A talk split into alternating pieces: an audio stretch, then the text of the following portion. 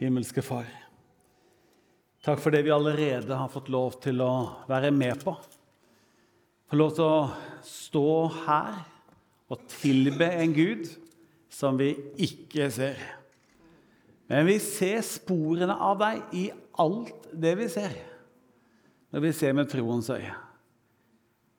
Jeg ser Gud bak alt. Jeg ser det bak et smil, jeg ser det i skaperverket, jeg ser det i vinden som blåser, jeg ser det i sesongene, trærne. Jeg ser det i alt. Takk for at du, som er himmelen og jordens skaper, er min Gud. Og jeg kan få lov, i undring over din allmakt, når jeg ikke engang aner og forstår at et univers kan fungere i et perfekt samspill. Alt dette har du gjort, og allikevel så kan du navnet mitt og vet hvem jeg er, og hvordan jeg har det. Det er ufattelig for meg. Ingen kan ta den plassen jeg har i ditt hjerte. Ingen kan erstatte meg. Og det er sannheten for hvert eneste menneske på denne kloden gjennom hele historien. Den verdien er skyhøy og himmelhøy. Det må ikke vi glemme. Amen. Det er så fint å få lov til å være her.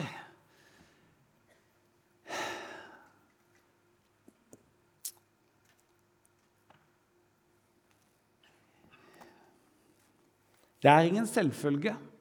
Jeg lå i natt og tekstet med en israelsk soldat som eh, er i krig om dagen. tenkte jeg jeg har fred og ro. Og han ligger nå, han sendte bilde. Jeg ligger påkledd, for jeg vet ikke når jeg må ut i et oppdrag igjen. Og Så sendte han meg bilder. Dette er mine medsoldater. De lever ikke lenger. De er rundt 21 år alle sammen, men nå er de døde. Og så har du krisen på Gaza, og så har du kriser. Og så har du en krig i Jemen, og så har du en flyktningstrøm som vi ikke engang fatter og forstår. og Flyktningleirer med tragedier. Og så har du krig i Ukraina. og så har du... Dette er vår verden. Midt i den verden her så tror jeg på Gud. Mestermøter.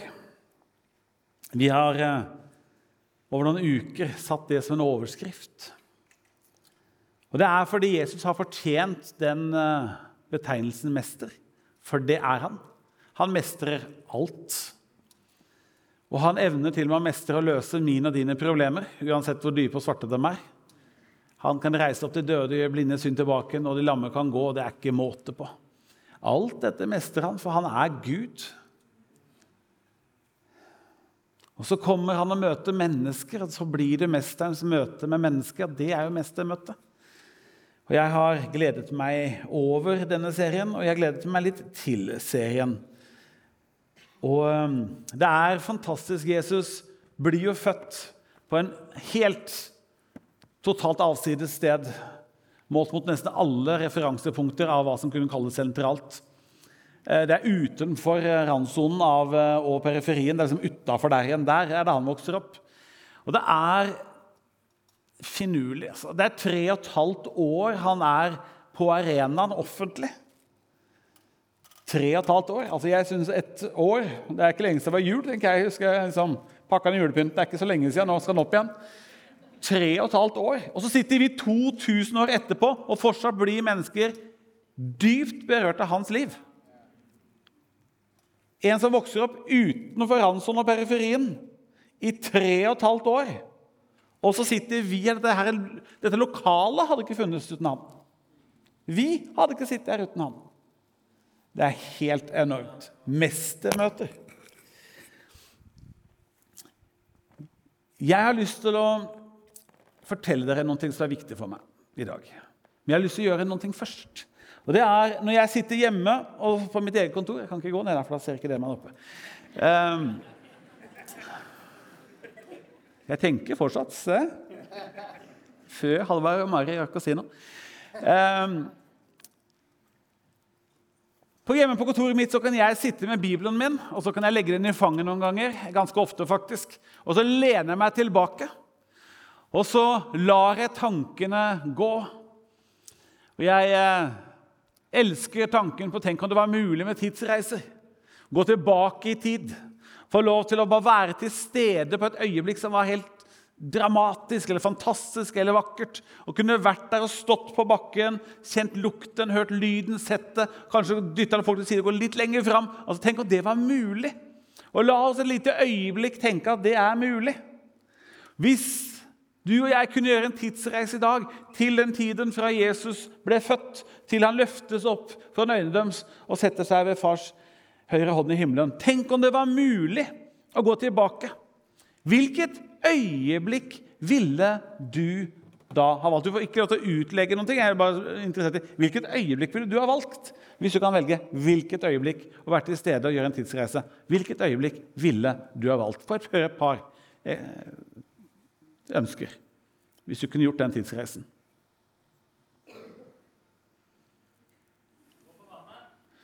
Ja, Du vil selvfølgelig på vannet. Da er det storm, og det er fantastisk. Og du skal få lov til å gå på vannet. Er, eh, den kommer alltid. Det er fantastisk. Tenk å ha vært der. Jeg vedder på at Hadde jeg vært der, så jeg så siden av Jesus sett Peter gå litt ned. Altså, tenker jeg. Og så har jeg sikkert hjulpet Peter opp, men siden du må ha større tro, hadde jeg sagt til Peter. ikke sant? Så det, det, det I min tanke så er det omtrent sånn det hadde foregått. Men jeg er ikke sikker på det har vært sånn. Men det er fantastisk. Det øyeblikket vært der ute og Da hadde jeg ikke vært i båten, jeg ville stått på vannet og fått det med seg fra, fra første rad. En eller to til.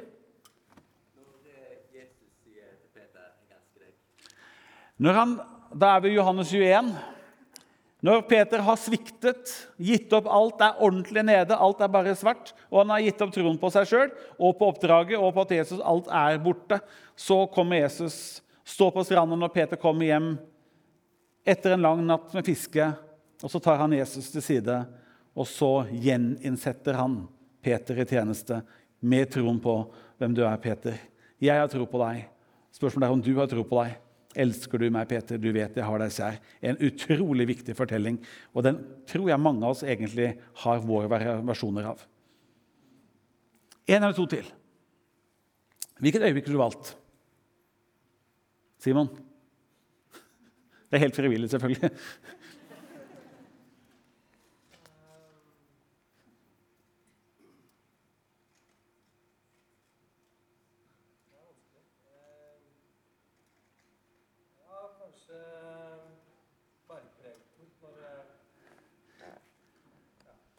Du ville sitte der rett og slett og hørt når Jesus driver og legger ut undervisningen om Guds rike, som er med å forandre en hel verdens måte å tenke på. Det er nydelig. Enorm viktig undervisning. En eller to til. Hvilket øyeblikk som helst. Hva? Jeg hører ikke. Helbredelser? Var det det du sa? Ja. Og Det er jo mange helbredelser, så her, klart, her er det jo bare å velge. Det er mange øyeblikk hvor han gjør mirakler. En til.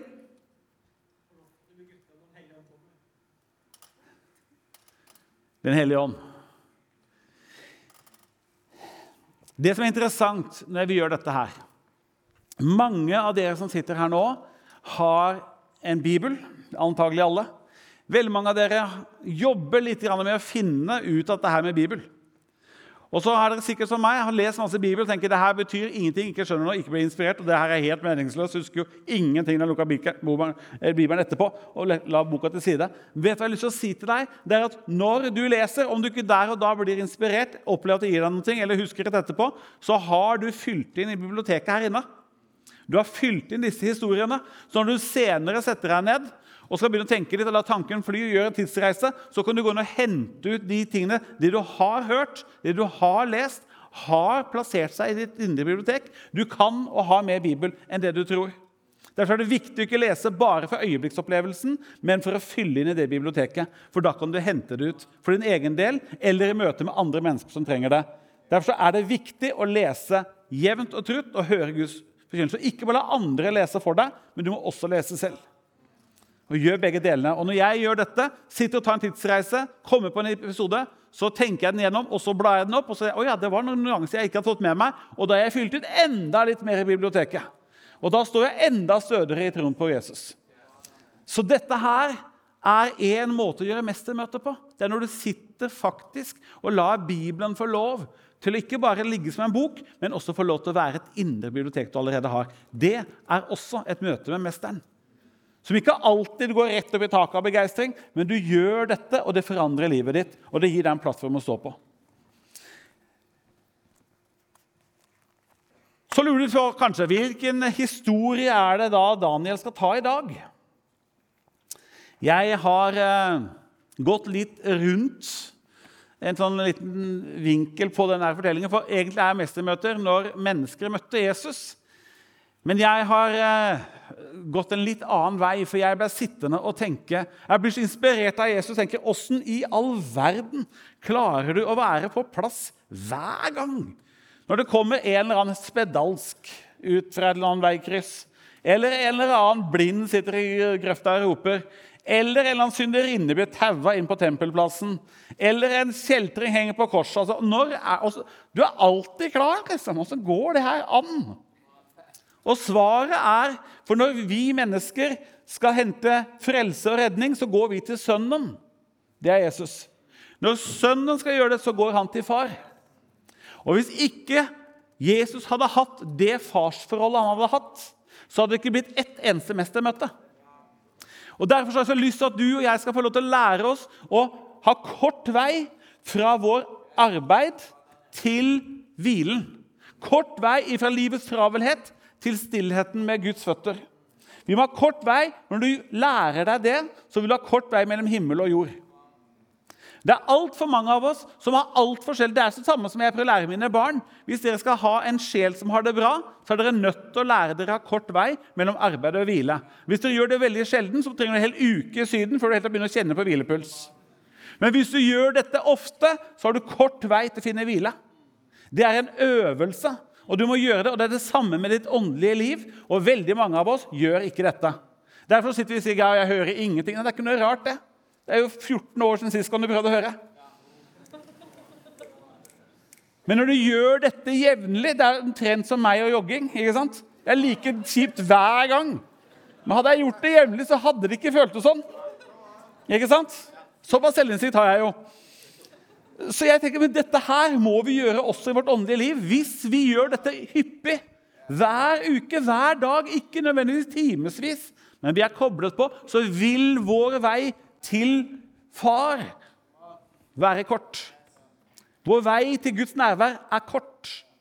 Jeg satt der i stad, for jeg er jo egentlig litt, ikke helt i form. Jeg er sykemeldt i 50, eller friskmeldt 50 heter det. Det er en positiv måte å se det på. Du må, du må eie fortellingen. Og det er fordi at jeg har nabolagsrekord i raskest vei ned av en stige. Jeg tok den 22. mai. Eh, jeg vet ikke om noen som er raskere ned. Jeg tok ned en trapp og havna på en gardintrapp. Så egentlig to, egentlig to stiger. Da jeg, før jeg landet på plenen og skulle reise meg opp igjen, så tenker jeg at nå skal jeg løfte armen, men da var det en bit her som løftet seg. Resten av armen var ikke med. Da var den knekt tvers av. Så jeg tenker det var veldig rart. Så jeg må liksom gjøre sånn her. Ja. Og den er ikke helt bra ennå, så jeg skal til sjukehuset på torsdag å sjekke, for nå er jeg våken i dag, så var er blå. Men det er en helt digresjon med det poenget mitt med å si det. Poenget mitt med å si det det var at i dag, jeg har grua meg litt til i dag. For jeg, er, jeg sover jo nesten ingenting. Jeg sov en og en halv time i natt, for jeg har vondt. Så jeg har eh, litt, ikke helt. Og så sitter jeg her når jeg har to klokken 11 og 17. Så setter jeg meg der nede og kjenner at nå er det møte til. Og dere fortjener det beste. I hvert fall det beste jeg klarer. Og da setter jeg meg ned og så får jeg en liten stund med fars føtter der. Og Jeg kobler meg litt av låtsangen, for noen ganger er det mye uttrykk utenfra. Noen ganger som jeg får lov til å kjenne at jeg finner roen inni meg. Og, og Det kan du gjøre midt i et møtesal, midt på en arbeidsplass, midt på et torg. Du trenger bare sette deg ned og få lov til å si, 'Far, nå trenger jeg deg'. Og dette gjorde Jesus hele tiden. Sønnen fant sin styrke og redning i sin far.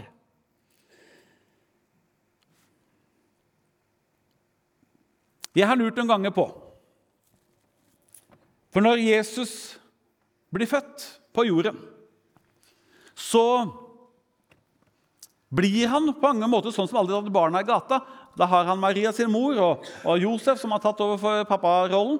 Og han leker jo i gata, sånn som alle de andre. Og så har jeg gått og lurt på, Når var det han begynte å fatte og skjønne at jeg er, der, jeg er litt annerledes enn de andre? Når skjønner han det? I det bibelske materialet så skjønner vi det først en gang når han er i tempelet og er tolv år gammel. Da skjønner han det i hvert fall. Da har de dratt hele slekta inn til tempelet og feiret påske. og er tilbake igjen. Og etter tre dager så skjønner de at gutten er ikke med. Jeg tror jeg hadde skjønt det før tre dager. Jeg har vært tre barn, men jeg, tror jeg har fanget opp før. Men uansett, de begynner nå å lete og finner han til slutt i tempelet. Der sitter tolvåringen og hører på undervisningen til pariserene og stiller gode spørsmål. Og de er forundret, slått av undring over hans visdom. Og Så kommer mor og far, og så skal du lære deg en ting. det er når du som etter hvert blir mor og far. Det er at eh, Hvis ungen din stikker av og du endelig finner dem, så er logikken at da blir du veldig glad. Men det er ikke det som mor og far blir. Den blir sint. Eh, fordi du, det, er en switch det er noe som skjer. Du, du ventilerer, for du har vært så redd. At da plutselig så blir du litt sånn streng isteden. Det er ikke det du trenger, men det er det som skjer. Og jeg lurer på, Der kommer de sant, og sier de, 'Jesus, hvordan kunne du gjøre dette mot oss?' Og så synes jeg ser den gutten står sånn, Jeg skjønner ikke helt problemstillingen, altså, men altså, hvis dere lurte på hvor jeg var, så hvorfor kom dere ikke hit? Jeg måtte jo være i min fars hus. Det er jo her. Der har han eierskap til Gud som far. Og så er det jo stille da, helt fram til han da blir rundt 30 år og trer inn på menneskenes offentlige arena. Og Det første han gjør, det er å oppsøke en slektning på morssida. Han heter Johannes, en eh, villmarksprofet. En fantastisk finurlig fyr. Fargerik og radikal som få. Han eh, gikk ut og alle er syndere. Og De menneskene som gjenkjente det, de bøyde seg og lot seg døpe til omvendelsens dåp. De som ikke gjenkjente det, de fikk høre det likevel. Sånn var Johannes. Han var radikal. Så kommer Jesus og sier du må døpe meg. Da sier Johannes nei, eh, fordi at jeg døper syndere, og du er ikke det. så det er ikke noen grunn til Kan ikke du heller døpe meg? Så du får en sånn liten samtale her, Mens Jesus vinner diskusjonen. Han gjør alltid det. Eh, egentlig Det står til og med profeten sier at når jeg diskuterer med Gud, så får Gud rett. Det er min erfaring om det er artig å prøve likevel. Eh, så er det interessante at når da Jesus blir døpt så er det jeg kan se bildet av en far som sitter i himmelen og følger med. Framoverlent. Og når Jesus nå kommer opp av Jordanelven, vannet renner, da klarer ikke far å være stille. Da sier han Hellige Ånd, dra ned nå. Nå skal du være over Jesus og være med han hele tiden. Men det er ikke nok. Han klarer ikke å la være. Han sier, og så hører de en stemme fra himmelen som sier, 'Dette er min sønn, den elskede. I han har jeg min glede.' Og en annen av evangelisten sier, 'Du er min sønn, den elskede. Altså Det ble personlig. Og så kan du lure på for all verden, Hadde Jesus behov for å si det? Eller Gud behov for å si det? Var det bare for å make a statement? Eller var det fordi det var nødvendig for Jesus å høre det? Lakk Jesus også? For jeg, jeg lekker jo. Jeg kan lekke både selvtillit og alt mulig rart. Jeg er en menneske som lekker. Var Jesus sånn? Jesus var prøvd på alt på samme måte som oss. Han var født under samme kår. Møtte motvind, møtte urettferdighet, møtte ondskap, møtte alt dette. Jeg tror han også hadde behov for, for å høre pappa si, 'Du er gutten min, og jeg elsker deg.' 'I deg har jeg min glede.' La meg hoppe litt i tiden, litt lenger fram. Jesus skal opp på et fjell. Han tar med seg tre av disiplene, Peter, Jakob og Johannes. Og De kommer opp på fjellet. Nå leste vi Kristushymnen her. David André fikk også lese Filippi-brevet. Paulus skriver det vakkert om Jesus. Så når han var i himmelen, var Gud lik og strålte som Gud. I himmelen i dag så er det ikke behov for solen, for lyset fra far og sønn lyser opp hele himmelen, hele evigheten. Altså det er, det er, Åssen du ser, vet jeg ikke, men det blir helt fantastisk. Og når Jesus sitter i himmelen, så er det sånn når han nå skal bli et menneske, så må han legge av seg det å være Gud lik. Så det her tar han av seg. Og så blir han ikledd et menneskeskikkelse under samme kår som oss.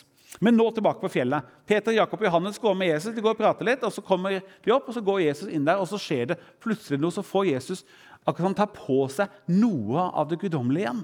Det begynner å stråle, og så står det at ingen av dem som bleker klær på jorden, har sjanse å få klærne til å skinne sånn som de klærne der. Dette her er noe annerledes. Og på toppen av det så kommer det plutselig to personer ut av historien. Jeg aner ikke hvordan de gjenkjente dem. det vet jeg ikke. Elias var død tusenvis av år før, men de skjønner der kommer Elias.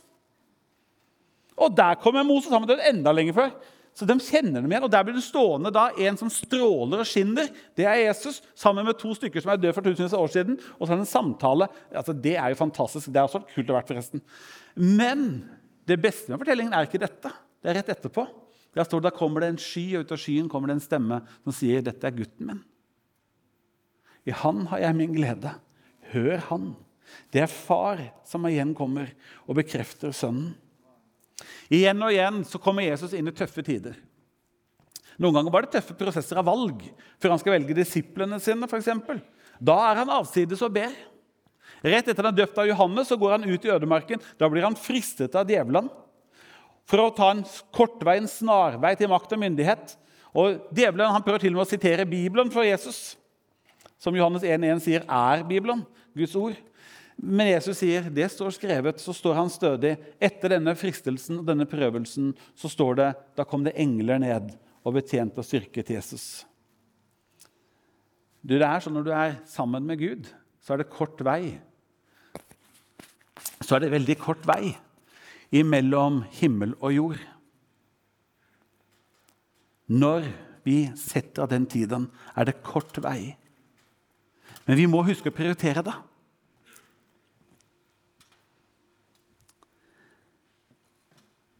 Ved flere anledninger så gjør Jesus tilgjengelig for menneskene. De kommer jo i hopetall. Ved en anledning er det 5000 mennesker, eller menn, pluss kvinner og barn. Og De er der og elsker å høre på Jesus og se at han gjør mirakler og helbreder syke. Men så blir de jo forferdelig sultne til slutt. Og Da står Jesus der og tenker da må vi fikse mat. da. Det er catering på et høyt nivå når du ikke liksom har noen ting å bygge det på. egentlig. Bortsett fra en matpakke til en eller annen guttunge som kommer med noe fisk og noe brød. Men det som skjer er at det blir et mirakel der. Og på toppen av det så kommer alle fram etterpå med nøden sin og sykdommene sine. Og alt dette, og han er tilgjengelig. Da står det etterpå, da trekker han seg til side. Da går han avsides. Og hvorfor gjør han det? Jo, det er for han er søkk sliten. Sånn som du og jeg kan bli. Da han hadde gjort det, gikk han opp i fjellet for å være for seg selv og be, står det i Matteus 14, 23. En annen anledning da hadde han drevet under demoner og greier. Han hadde stått på mye, og helbredet noe spedalsk hadde han gjort også. Og så, det, og så kom de til og med etterpå, når det begynte å bli mørkt, så kom de fortsatt over natta. Så her drev han med nattevakt på toppen av det igjen. Han kjørte turnus både tredelt. Og Tidlig neste morgen da, etter det her, mens ennå var mørkt, sto Jesus opp, gikk ut og dro til et øde sted, og så ba han der. I Lukas 5 står det selv trakk han seg ofte tilbake til øde steder og ba. Og Lukas 6, På denne tiden gikk han en gang opp i fjellet for å be, og hele natten var han der i bønn til Gud. Når jeg tenker bønn noen ganger, så tenker jeg åh, jeg har prøvd, jeg er dårlig disiplin. Eller jeg har satt meg mål å be så ofte, det klarte jeg ikke å gjennomføre. Og så har jeg tenkt noen ganger bønn, ja det er den kleine stillheten ikke hører noen ting. Eller de bønnesvarene som ikke skjer. Og så får jeg disse rundene, men jeg syns jeg merker når Jesus ber, så er han ikke opptatt verken av disiplin eller av rutiner primært. Han er opptatt av relasjonen. Han søker til far og setter seg ned og sier, 'Far, nå er jeg sliten. Nå dette er vanskelig. Det er helt utømmelig.' Det er jo, når jeg har bedt for fem stykker, så er det 140 igjen. Og det var ikke bare én spedalsk, det var ti. Og det var ikke bare 5000. Det er bare mennene, det var kvinner og barn òg. Hva gjør jeg nå? Og så skjer det noe i relasjonen med sønn og far. Ved en anledning så sier Jesus der før han skal opp til himmelen, så sier han til sine disipler nå skal jeg dra til far. Jeg skal forlate dere, jeg skal hjem til far. Og jeg tror han hadde hjemlengsel, selv om han syntes det var vanskelig å forlate disiplene sine. Men han sier det er best for dere, for der drar opp, så skal jeg sende Den hellige ånd til dere. Men nå skal jeg opp til far. Men, det, men i min fars hus, hos pappa, der er det masse rom. Og når alt er ferdig, da skal jeg komme og så skal jeg hente dere. Da blir det gøy. Da blir det fest. Jeg kommer snart tilbake. Og så er det en som sier, ja, men du, 'Hvor er det hen, da?' Og far, åssen er han, da? Da blir Jesus litt forundra. Så sier han, du, 'Nå har jeg vært hos dere så lenge', og så spør du om åssen far er. Altså, Hvis du har sett meg, så har du sett far. For far er i meg, og jeg er i far. Så vi er helt like, vi. Og da Jesus var sammen med far hele tiden, og så sitter han ved fars føtter. Og så lytter han og lærer han. Og jeg er så sikker på at veldig mye av det Jesus sa og gjorde, det hadde han først hørt hos far. En dag så, Det er helt tenkt tilfelle, men det kan hende det var sånn at Jesus kommer en dag han er søkk sliten. Det har vært så mye vanskelige folk med så store problemer. Og han har krangla med flere av fariseerne som er helt håpløse. Og Så kommer han og så bare siger han sammen med føttene til far. Og Så sier han 'jeg orker ikke mer'. Da lurer jeg på om far sa 'kom til meg', du. Du som strever og tok til å bære gutten min. Så skal jeg gi deg hvile. Og Så går det noen dager, og så kommer noen mennesker og sier du er så sliten. Da husker Jesus det som far hadde sagt. Og så sier han du, 'Kom til meg, du. Du som strever tungt å bære, så skal jeg gi dere hvile.' Matteus 11, 28. Jeg tror Jesus hadde hørt av far først. Han talte det som far hadde sagt. Ved en anledning er det masse folk der, og så ser han plutselig at disiplene driver og skyver bort noen unger. Vi hadde gudstjeneste her klokka 11 i dag. Og da er det noen unger som flyr rundt oppe her. Flere av dem er barna til noen ansatte her, uten å si noen navn. Og så og Det er veldig mye forstyrrelse. Det er klart, det, unge er jo forferdelig forstyrrende i gudstjenesten. Vi skal ha litt orden og, og litt stille og rolig. Så ser Jesus at disiplene prøver å få ungene bort. Så blir han litt sint og streng. Så sier han stopp, få de ungene hit. Og Så tar han dem opp på fanget sitt og så begynner han å velsigne dem. Og så sier han Guds rike hører sånne til. Han plasserer barnet inn i sentrum av fortellingen. Og så vet jeg, det der hadde han lært av faren sin. For sånn var han. For han hadde selv lært som sønn at det er ingen som tar plassen min. Hvis jeg trenger den, så er far til stede. Dette hadde han lært av sin far. Det Jesus gjorde, hadde han lært av faren sin. Jeg har så lyst til at du skal få lov til å lære det samme. Jesus gjorde det hele tiden. Han hadde alenetid med far. Og flere ganger når dette livet ble tøft, så var det nettopp det han gjorde. Da gikk han avsides. Han gikk ut av det alle andre så. Der hvor ingen andre la merke til ham. Og så var han der. Litt utenfor synsfeltet. Litt utenfor karusellen som går så fort. Og så sier han, 'Far, nå er jeg sliten. Nå lurer jeg på dette.' Eller, 'Far, nå trenger jeg bare litt tid med deg.' Og Så var han sammen med far. Og når han kommer tilbake igjen, så bærer han med seg en friskhet som han ikke hadde før. Disiplene hans de hadde lært seg å be. Det var en del av kulturen og religionen. Så bønn var ikke noe uvanlig. Men jeg tror de hadde mye sånne erfaringer som jeg hadde med bønn. Og så sitter de og ser på Jesus som de går avsides hele tiden, og de så at han hadde mye å gjøre. Og de skjønte at han rømte unna. Noen ganger rømte unna dem også. For Han sa nå kan dere ta liksom, båten, og så kan jeg gå rundt. og så liksom, Han fant måter å få litt fred, helt alenetid. Men så ser de at han som var så sliten, kommer tilbake så er han litt sånn fresh igjen. Hva som har skjedd her? Og Til slutt så blir hun så nysgjerrig at hun sier til Jesus du, kan ikke du lære oss å be sånn som du ber? Og Så lærer han oss den bønnen som vi ba i stad. Og den bønnen er fantastisk. Vår far. Og hele perspektiven som ligger i bønnen, bør vi lære noe av. Men jeg lurer på om noe av det viktigste i hele bønnen er de to første ordene. Det er nettopp 'vår far', som han egentlig kunne ha sagt 'min far'. Min pappa. For det er i relasjonen egentlig dybden i vår far er. Det viktigste med vår far er ikke ordene, men det er relasjonen. Og når du får lov til å lære deg dette Og dette det hadde aldri blitt noe mestermøter uten at Jesus gjorde dette. Og han gjorde det igjen og igjen og igjen.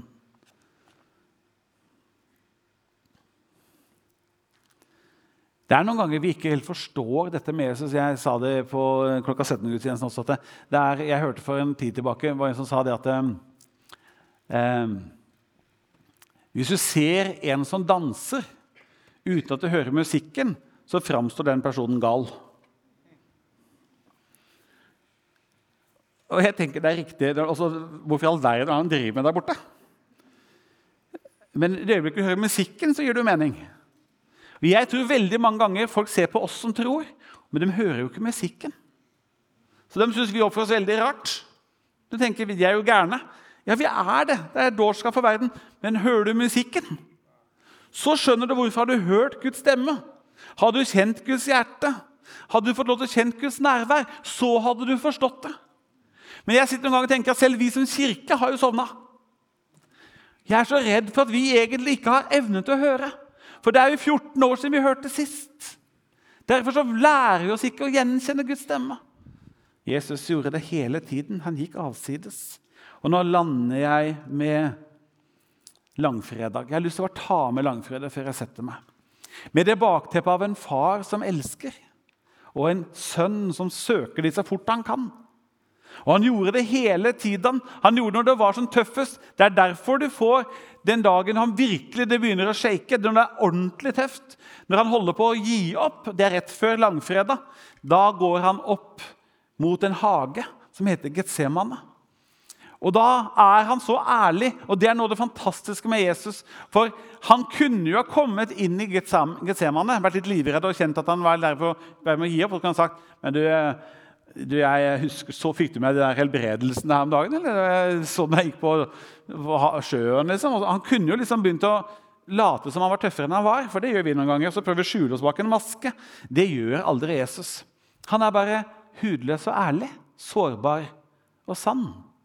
Og så sier han, 'Pappa, nå veit jeg ikke om jeg klarer dette her.' 'Jeg er livredd. Jeg vet ikke om jeg er sterk nok til dette.' 'Hvis det finnes en mulighet at jeg kan slippe, så la meg få slippe.' Så ærlig er Jesus. Og Han hadde jo til og med tatt og rusta seg med, tatt med sånne disipler som skal være med som bønnedekning. De lå og sov rett bak hjørnet her. De hang jo ikke med. Han ender opp alene. Men han søker far. Og jeg har tenkt noen ganger, Hvorfor søkte han til Gud? For han visste jo hva Gud mente. Altså det er sånne ganger Når, når jeg spør, søker råd, så går jeg til dem jeg vet jeg får det svaret jeg vil ha. ikke sant? Det er jo ikke dum heller. ikke? Hvis du vet at han sier nei, da går du ikke dit. Da går du til henne istedenfor. Det er sånn barn gjør med mor og far. Du vet akkurat hvem du har størst sjanse for et ja, så går du til den. Og Han visste jo hva far hadde sagt. Men Jesus går allikevel til far, og så sier han, 'Far, nå er jeg redd.' Nå har jeg lyst til å slippe. Men ikke min vilje. Din vilje skje. Og da står det da kom det en engel fra himmelen og styrket han. Der igjen, Når du er sammen med far, så er himmel og jord veldig nær. Guds rike har kommet nær. Da står du ikke bare på gressbakken eller på et teppe. Da står du på hellig grunn også. Det må ikke du og jeg glemme. Vi må ikke tenke lite om det. Hver gang du går og ber og løfter en tanke til Gud, så har du løftet deg vekk fra et jordisk sted, og du har også plassert deg på et himmelsk, guddommelig sted. Derfor har vi frimodighet til å gå inn for Guds ansikt. står det. Med frimodighet kan du tre fram for nådens trone. Da er du på jorden, men du er samtidig i himmelen. Vi er allerede satt i himmelen med Kristus, står det. Så det er, da smelter det litt sammen. Langfredag. Jesus er i ferd med å bli spikret til korset. Og så sier han, 'Far, tilgi dem, for de vet ikke hva de gjør.' Og jeg tenker, jo, De visste jo akkurat hva de gjorde, de gjorde det før, og de har spikret fast flere. De kunne med korsfestelse, de gutta der, disse romerske soldatene. Hvorfor sier han det der? At de ikke vet hva de gjør? Hvorfor sier han hvorfor tilgi dem? Jo, fordi han hadde lært av far. Pass på så ikke du bærer nag. Pass på så ingen bitter rot slår rot, for da begynner det å forme deg og forgifte deg. Han hadde lært av far hvordan han skulle håndtere alle disse situasjonene. Det hadde han lært sammen med far. Så når han havna i situasjonen, så visste han hva han skulle si. Vi kommer ofte totalt uforberedt opp i hel haug med situasjoner. Og så har vi mye med jobb å rote oss ut av det etterpå. For det er mye vanskeligere å rydde opp i noe enn å forberede. Altså, for, Forebyggende er viktig, er ikke det? Det er hele poenget her nå. Paul André. Det å få lov til å være av dem som tenker Gud, jeg søker ditt ansikt, gi meg visdom. Lær meg å kjenne dine veier, så jeg går dem trøstig skritt for skritt. Guds ord er en lykte for fot og en lys på vår stil. Så det er noe vi kan lære, og den hadde Jesus. Så når djevelen kom og sa det som skrevet, så sier Jesus ja, men det står skrevet. Ja, men står det ikke sånn? Det står skrevet. For han hadde vært sammen med far. Vi trenger å lære dette. Og han er så nær sitt hjerte. I sitt hjerte. Så nær til far. Og Derfor så blir det, når vi nå vet dette, når han da henger på korset og roper plutselig i panikk Min Gud! Min Gud! Hvorfor har du forlatt meg? For det hadde Jesus aldri opplevd før. Han hadde kommet i mange situasjoner til far, men far hadde alltid venta på ham. Sittet klar med tid og omsorg. Nå var Gud borte. Hvorfor det? Jo, fordi da kom jeg inn i bildet. Da kom min synd og min skam og mine feiltrinn. De rammet Jesus, og det ble prisen som han måtte betale. I Salme 8 så står det litt mer, og han siterer jo egentlig en Davidssalme. Når han roper det, 'Min Gud, min Gud, hvorfor har du forlatt meg?' så står det i Salme 8, 'Min Gud, min Gud, hvorfor har du forlatt meg?' 'Hvorfor er du så langt borte når jeg trenger hjelp og skriker ut min nød?' Hvem av oss har ikke kjent det noen ganger? Hvorfor er du så langt borte?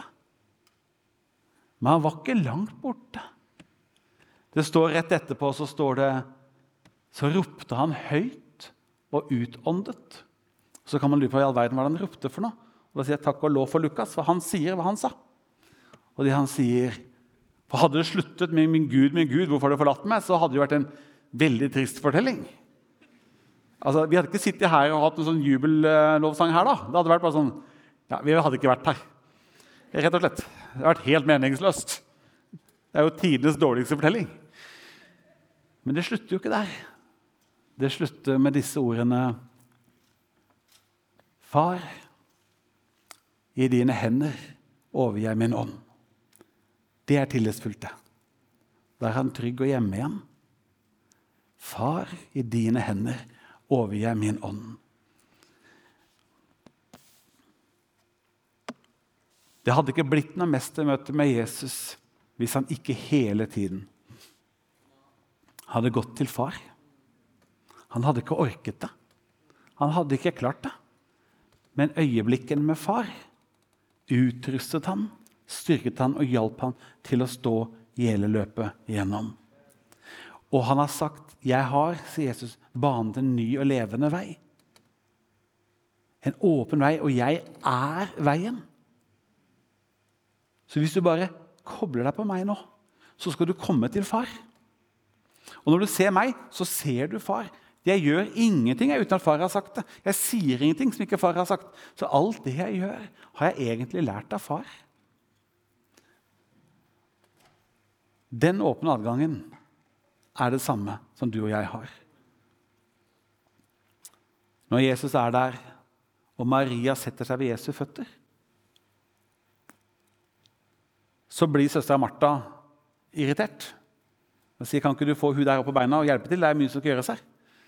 Da sier Jesus Men du, Martha, du gjør deg strev og uro med mange ting. Og det gjør dere òg. Hel haug av dere. Masse kav og styr. Veldig mye stressa folk. Men ett er nødvendig. Og Maria valgte den gode del. Og Det var å sette seg ved Jesu føtter. Og vet du hva? Det hadde Jesus visst, for det hadde han gjort med far. Han har lært oss far. Han er vant til å sitte ved fars føtter. Nå så han Maria gjorde det samme. Dette var kjent. Maria gjorde det som var rett. Det var det hun trengte. Jeg håper at Martha altså sier ok, da tar vi oppvasken etterpå. Vi ordner ferdig den sterka etterpå. Vi setter, jeg setter meg, jeg òg. Så satt de begge ved Jesu føtter. Det håper jeg er fortellingen.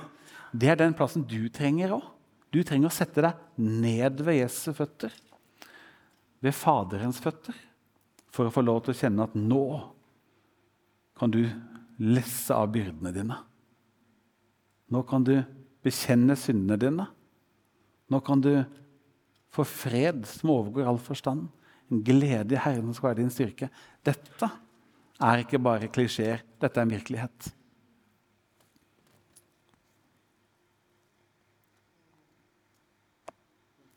Og Jesus-fortellingene, mestermøtene, de er ikke slutt. De fortsetter nå. Apostelens gjerninger er jo ikke over. Vi driver og skriver hvert vårt kapittel. Unnskyld. Vi driver og skriver hvert vårt kapittel. Og jeg tenker Det jeg får lov til å sitte meg med Jesu føtter og fars føtter og lære, det kan jeg få lov til å ta med og gi til de andre, og så skapes det nye mestermøter. Så kan jeg få noe å gi bør ikke være ekspert, jeg bør ikke være Billy Graham, jeg bør ikke være en superpredikant, men jeg kan få lov til å være et vitne. Og det jeg har hørt av far, Det kan jeg få lov til å gi. Og jeg er mye sammen med far, så kommer jeg til å begynne å ligne på nå. Og er du mye sammen, så begynner du å lukte som han også. Det kalles Kristi vellukt. Det er ikke tull engang. Det står i Bibelen at da begynner det i vårt måte å være på. Det lukter godt. Vi bærer med oss en duft av Jesus. Sitt ved hans føtter. Og jeg tror I en tid hvor vi er så hektiske og stressa, så er dette en av de tingene vi glipper på. Og dette her er det helt sentrale og primære. Det var det Jesus gjorde. Han hadde ikke fullført løpet. Da kommer i hvert fall ikke du og jeg til å fullføre løpet hvis ikke vi gjør det samme. Jeg er så takknemlig for at dere gjorde Jesuskveldene. For det var en liten smak av noe av dette. Og som vi gjør det i hverdagen vår. Skal vi reise oss? Nå går vi mot avrundingen av denne kveldens gudstjeneste. På hver side her så ser dere vi har disse lysglobene. Det er ikke noe magisk med dem. Men de kan få lov til å være sånn kontaktpunkt for troen vår.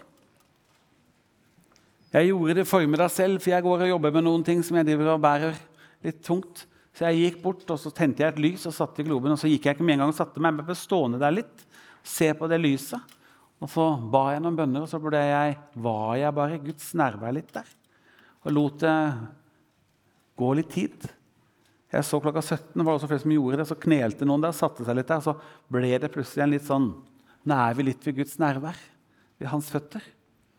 Gjør det også etterpå. Ved disse bordene her borte så er det også lapper. Skriv gjerne deres bønnebehov, bønneemner som dere bærer på. Så skal vi sammen med dere være med og be for det i dagene og ukene som kommer. Har du takkeevner, skriv også dem, så vi kan takke med dere. Og så er det, Hvis dere har lyst til å tenne et lys og kanskje har noe du har lyst til å nevne for noen, eller trenger forbønn, så er det også mennesker her som vil være med å gjøre det. Benytt denne muligheten og lukker øynene og si, 'Far, nå setter jeg bare ned ja, med dine føtter.' Og så lar vi dette være en sånn liten forsmak på kanskje en ny sesong av å få lov til å gjøre det Jesus gjorde i alle livets øyeblikk. Søke Far, sette oss ned, for Han venter på deg. Han har dekket bordet. Han har gjort alt klart. Han venter egentlig på at du skal komme. Så da er alt ferdig, og så er vi i Guds nærvær sammen. Amen. Du har nå hørt en podkast fra Filadelfia-kirken i Oslo. Vil du vite mer om oss, gå inn på filadelfia.no. Og ikke minst velkommen til å feire gudstjenester med oss hver eneste søndag, enten fysisk eller online.